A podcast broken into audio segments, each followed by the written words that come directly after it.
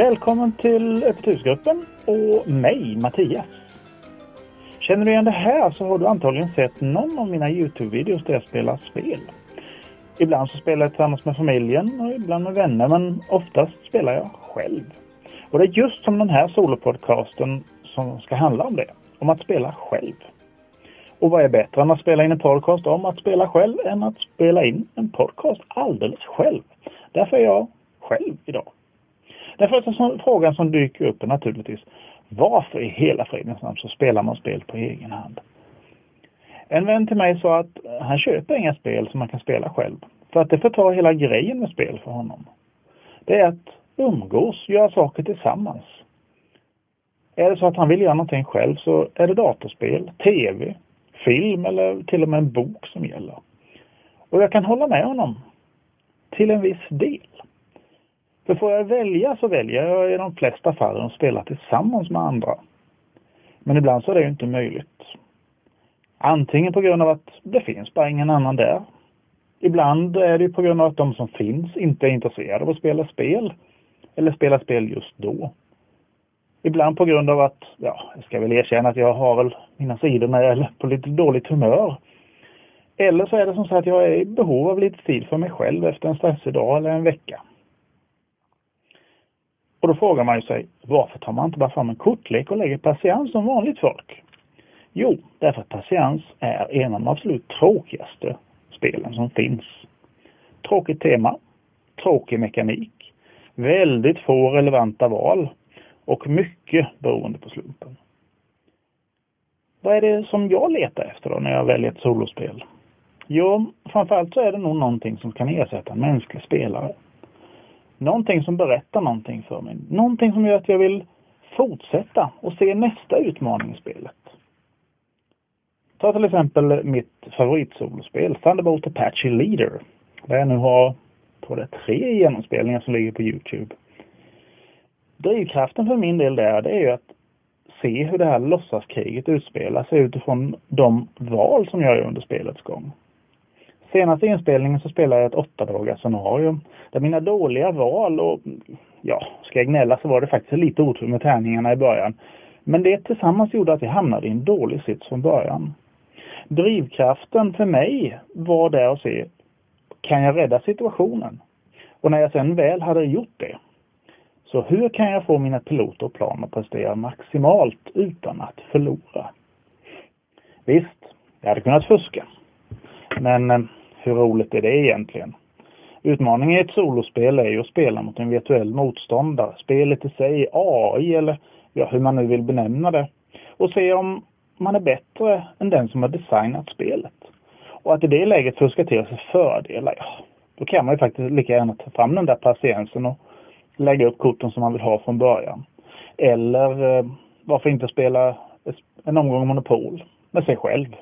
Det är tråkigt och det finns absolut ingen poäng i det. Men varför gör jag inte som min vän då? Tar till en bok eller tv-program. Eller sätter mig framför datorn och spelar lite.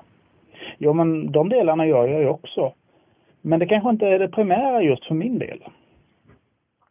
En bok eller tv-program, det gör ju faktiskt mig till en passiv åskådare av någonting som redan är förutbestämt. Datorspel, ja, ibland är det faktiskt skönt att gå helt analogt, stänga av skärmen och faktiskt själv komma ihåg och lära sig regler till någonting som man vill uppleva. Istället för att ha en dator som sköter allt det där åt en. Om jag väljer att spela ett analogt solospel, då kan jag ju faktiskt också bestämma tempot helt och fullt. Det finns ingenting som stressar mig, förutom då när en tärning väljer att konsekvent slå dåligt. Det finns en tendens att de flyger genom rummet då. Men vänta nu, säger den observanta lyssnaren. Tärningar? Är det inte slump? Sa jag inte att en av anledningarna till att jag inte gillade patiens var att det var för mycket beroende på slumpen? Jo, det är en av delarna i det. Men då finns det slump och slump. Ta till exempel ett av mina andra favoritsolospel, RAF, The Battle of Britain 1940. Slumpen spelar faktiskt en ganska stor roll där också. Men det är sällan som det bestämmer utgången av spelet. Om jag väljer att skicka upp en eller två skadroner mot tyskarnas stora räd så spelar tärningslaget inte så stor roll. Jag kommer att förlora striden, mer eller mindre bara. Skickar jag däremot upp tio skadoner, då är det tvärtom. Då kommer jag vinna striden. Mer eller mindre beroende på tärningslaget. Slumpen bestämmer alltså bara hur väl jag lyckas inom de förutsättningar som jag har själv skapat. I Pandemic, ett spel som jag sällan spelar ensam då det är väldigt roligare på fler, då ligger slumpen i vilka kort som dras och i vilken ordning. Men här har eh, de dåliga valen, eller valen ska man kanske inte säga, men de dåliga händelserna distribuerats jämnt genom kortleken. Och du kan räkna ut när vissa saker kommer att hända. Inte exakt på draget, men ungefär. Och då kan man ju också förbereda sig för det för att plocka bort lite av effekterna av slumpen. Om man förlorar Pandemic så är det oftast, i alla fall i min personliga uppfattning, på grund av att man har gjort felaktiga val eller oftast för mig chansat lite väl mycket. Det är ganska sällan som jag spelar solobrädspel på mobil eller platta eller dator. Det lockar mest när platsen inte finns, som när man är på resande fot eller tiden för att hämta spelet, sätta fram det, spela och sen plocka undan det när den tiden inte riktigt finns. Då är det rätt så bra. Men om tiden finns och utrymmet, då ser jag faktiskt inga fördelar med att spela ett analogt spel digitalt. Tidigare pratade om tv-tittande. För min del så har det fått lämna plats i mitt liv för ett annat tittande, nämligen på det som kallas för Let's Plays. Det vill säga, när någon eller några spelar ett spel, spela in det och lägga ut det på nätet för andra att se. Många i min närhet tycker att det är lite konstigt att jag sitter och tittar på när andra spelar ett spel istället för att spela själv. Men jag brukar fråga dem om de tittar på fotboll eller tennis eller handboll eller någon annan svettig analog sport. När de oftast då svarar jakande så frågar jag varför spelar ni inte själva istället?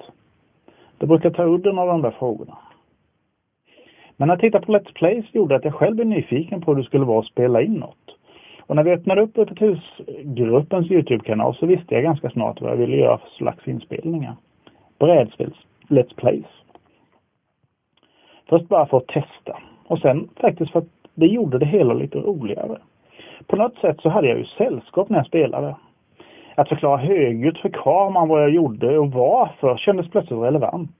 Inte som tidigare när jag satt och muttrade för mig själv och funderade på hur jag skulle göra nästa dag.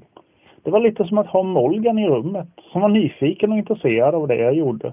Men utan att för den delen tränga sig på med en massa onödiga frågor och komma med konstiga idéer. När jag spelar in så är det alltid helt oskriptat. Jag har en vag tanke om vad jag vill göra och säga, men sen får munnen bara gå. Och det är sällan, eller ska vi säga nästan till aldrig, som jag gör några omtagningar. Det funkar bra för min del och inspirationen till det här är bland annat från Kallasmar, The Lonesome Gamer. En fördel för det här är ju att förarbetet minimeras. Jag behöver inte sitta och skriva ett manus eller tillverka rekvisita, utan det är bara att tuta och köra. Nackdelen med det här är ju att det kan bli lite väl improviserat ibland. Och man vet inte riktigt vad det är man har sagt i efterhand. Jag kan verkligen uppskatta dock de som tar sig den här tiden att verkligen förbereda. Stuka Joe är ett sådant praktexempel på någon som tar sig tid både att skriva ett manus, tillverka rekvisita och sen göra ett fantastiskt kamerarbete för att kunna presentera en helt underbar spelupplevelse genom skärmen. Shut Up and Sit Down eller Watch It Played eller för all del våran svenska gigant Thomas Conradago Engström. Det är också kanaler som har en otroligt bra produktionskvalitet. Både på manus och rekvisita och kameraföring för den delen. Men tillbaka till det här med solospelande. Vad kan jag rekommendera för någonting då? Ja, jag har ju nämnt två av mina favoritspel. Thunderbolt Apache Leader och RAF The Battle of Britain 1940. Båda de här är väldigt tematiska krigsspel och har en stark dragningskraft på just mig, på mig på grund av detta. Jag är vad som ibland benämns på nätet som en grognard. Jag gillar counters. Jag gillar oddstabeller. Jag gillar att kunna grotta ner mig i 200 sidor med regeltext. Men eh, Det här är ju inga spel som jag kanske rekommenderar till någon annan som vill bara prova på solospel. Skulle jag göra det så finns det egentligen bara ett som jag rekommenderar. Det heter Friday. I det här spelet så förkroppsligar du Fredag som förtvivlat försöker få lite lugn och ro på sin ö igen efter att Robinson Crusoe har kraschat där. Och det gör Fredag genom att hjälpa honom därifrån helt enkelt. Av någon anledning så förlorar man ofta det här spelet på grund av att Robinson åker på nöten med piraterna. Man funderar på, det hade väl varit ganska lugnt och, och ro då också för fredag men piraterna kanske ställer till det på annat sätt. Det är ett väldigt litet och enkelt kortspel som tar liten plats men har en stor utmaning i svårigheten som finns där. Sen har jag en hel del spel som jag köpte för att spela ensam men som jag kommit på att det är faktiskt roligare och bättre om det är fler spelare som är med. Till exempel Tiny Epic-serien med Tiny Epic Defenders som är ett samarbetsspel i fantasymiljö. Eller Tiny Epic Galaxies som är ett spel där du spelar mot varandra och försöker kolonisera olika planeter. Båda spelen fungerar som solospel, men de börjar lysa lite extra med fler spelare kring bordet.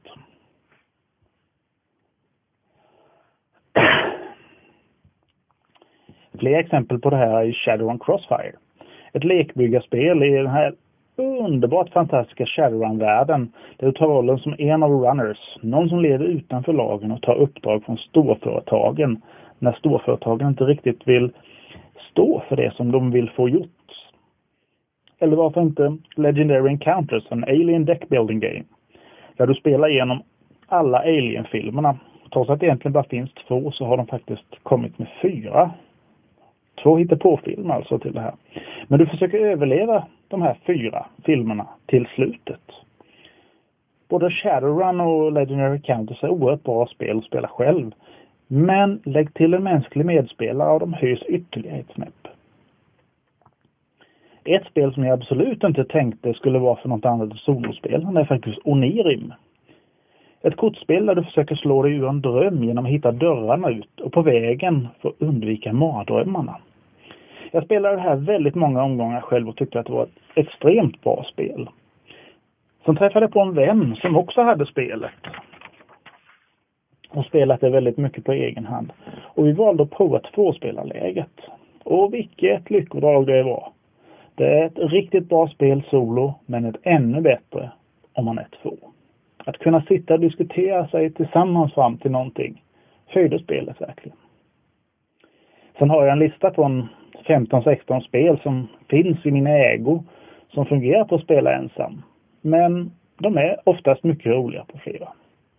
Bland annat så är det ju D-Day Dice, Red November, Space Hulk Death Angel, The Card Game och Warhammer Quest, The Adventure Card Game.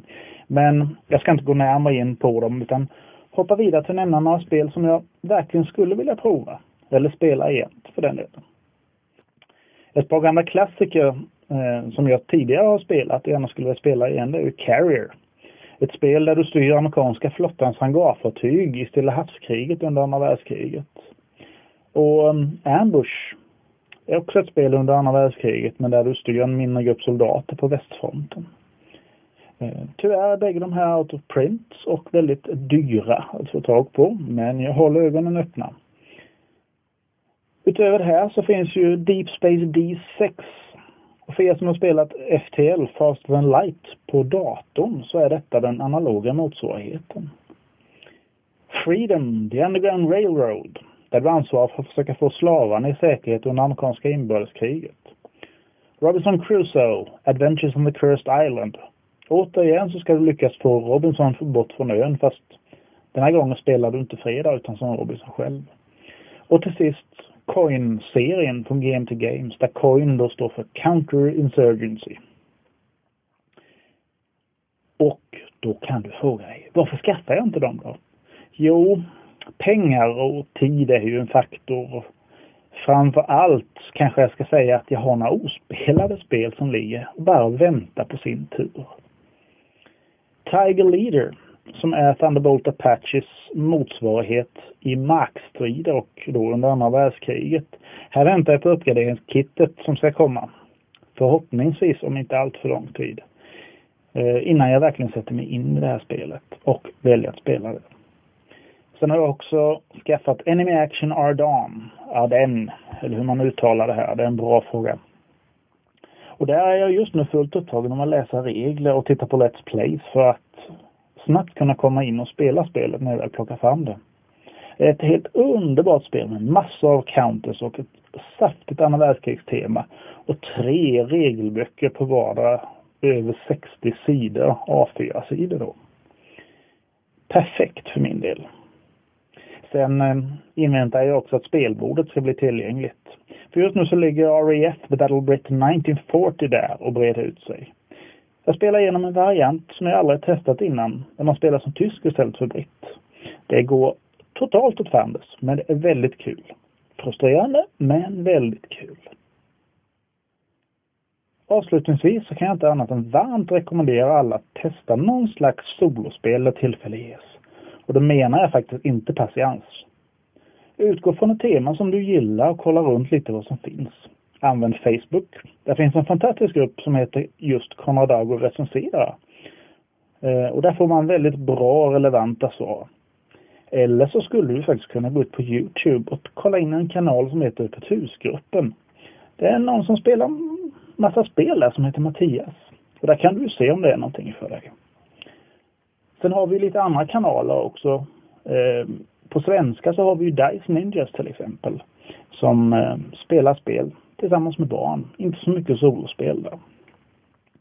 Och vi har ju ytterligare ett par svenska kanaler som kanske inte har primärt svenska som talat språk utan engelska. Det är ju Board Games with Niramas.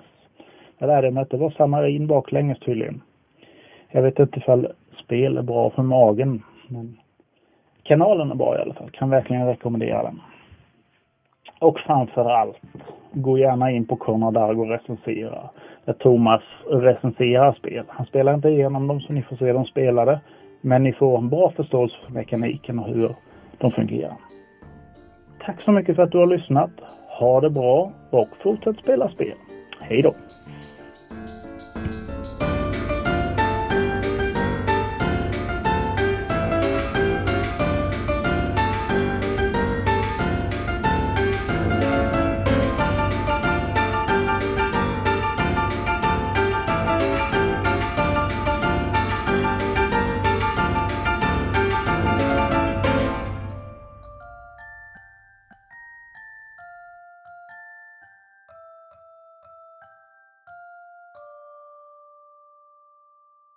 Ni har lyssnat på Öppet husgruppens podcast. Besök oss på monsterworld.se för mer information och avsnittsnoteringar. Musiken ni har hört var The Canary av Kevin MacLeod. För mer av MacLeods musik besök incompetech.com. Den här podcasten är producerad under en Creative Commons erkännande, icke-kommersiell, inga bearbetningar 2.5 Sverige-licens.